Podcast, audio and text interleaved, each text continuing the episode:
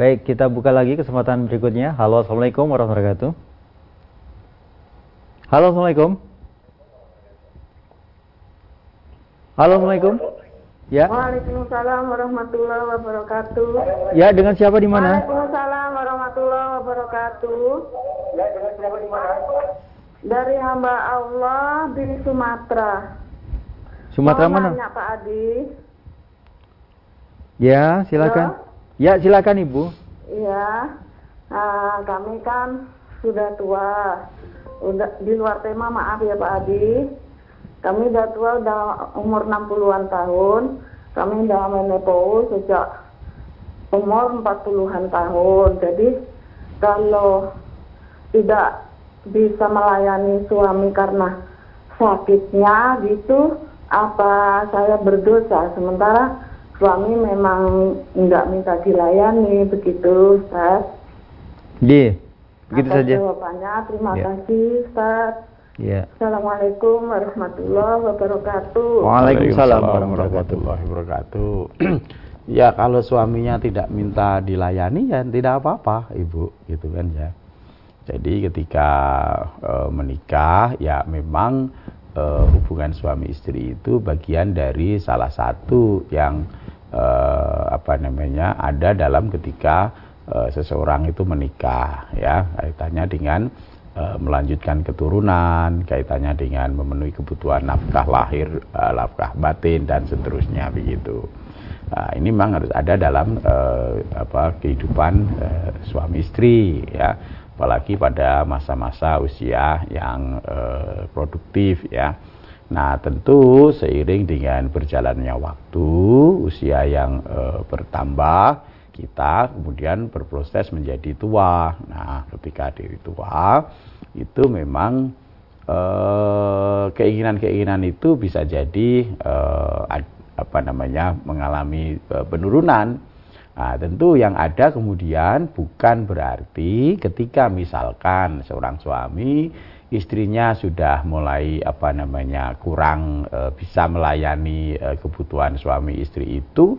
Kemudian di apa campakkan ditinggalkan kemudian di e, dalih kamu kalau begitu berdosa. Tidak begitu kan?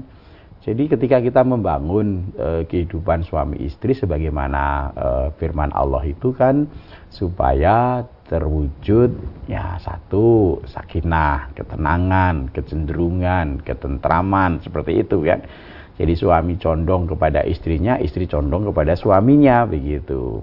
Kemudian kalau sudah ada kecenderungan, kecondongan, ya saya sudah tidak condong pada wanita-wanita yang lain selain istri saya. Istri juga begitu. Saya sudah tidak condong kepada laki-laki yang lain selain suami saya. Nah seperti itu maka kemudian dalam rumah itu ada ketenangan. Kalau kemudian tenang, barulah muncul bisa e, kasih sayang, ya, mawadah, ya, e, mawadah, saling apa namanya e, muncul e, cintanya muncul uh, kemudian saling menutupi kekurangannya dan seterusnya seperti itu sampai akhirnya terwujud rahmat ya kasih sayang yang betul-betul uh, tidak hanya melihat fisik tidak hanya melihat harta ya tetapi betul-betul uh, isinya rasanya ya betul-betul cintanya begitu ada mahabbah itu ya, saling uh, mencintai begitu. Sehingga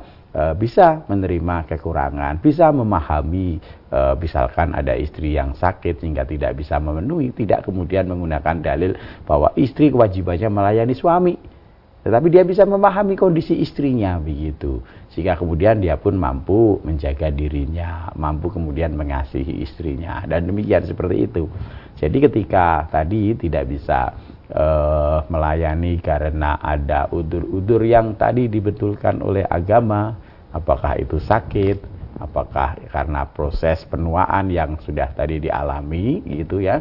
Uh, bukan karena uzur keengganan, keengganan, tidak mau, tidak mau seperti itu, maka insya Allah dimaafkan oleh Allah Subhanahu wa Ta'ala. Suami juga bisa memahami. Tapi ketika misalkan di masa-masa yang eh, tadi produktif, tentu kemudian ketika tidak bisa eh, melayani karena ada satu hal, nah dicari solusinya. Bagaimana agar hal yang mengganggu dalam uh, melayani suami itu diikhtiarkan bisa diselesaikan, bisa diobati, periksa kepada dokter dan seterusnya. Seperti itu, Ibu. Ya. Demikian Ibu uh, hamba Allah yang ada di Sumatera.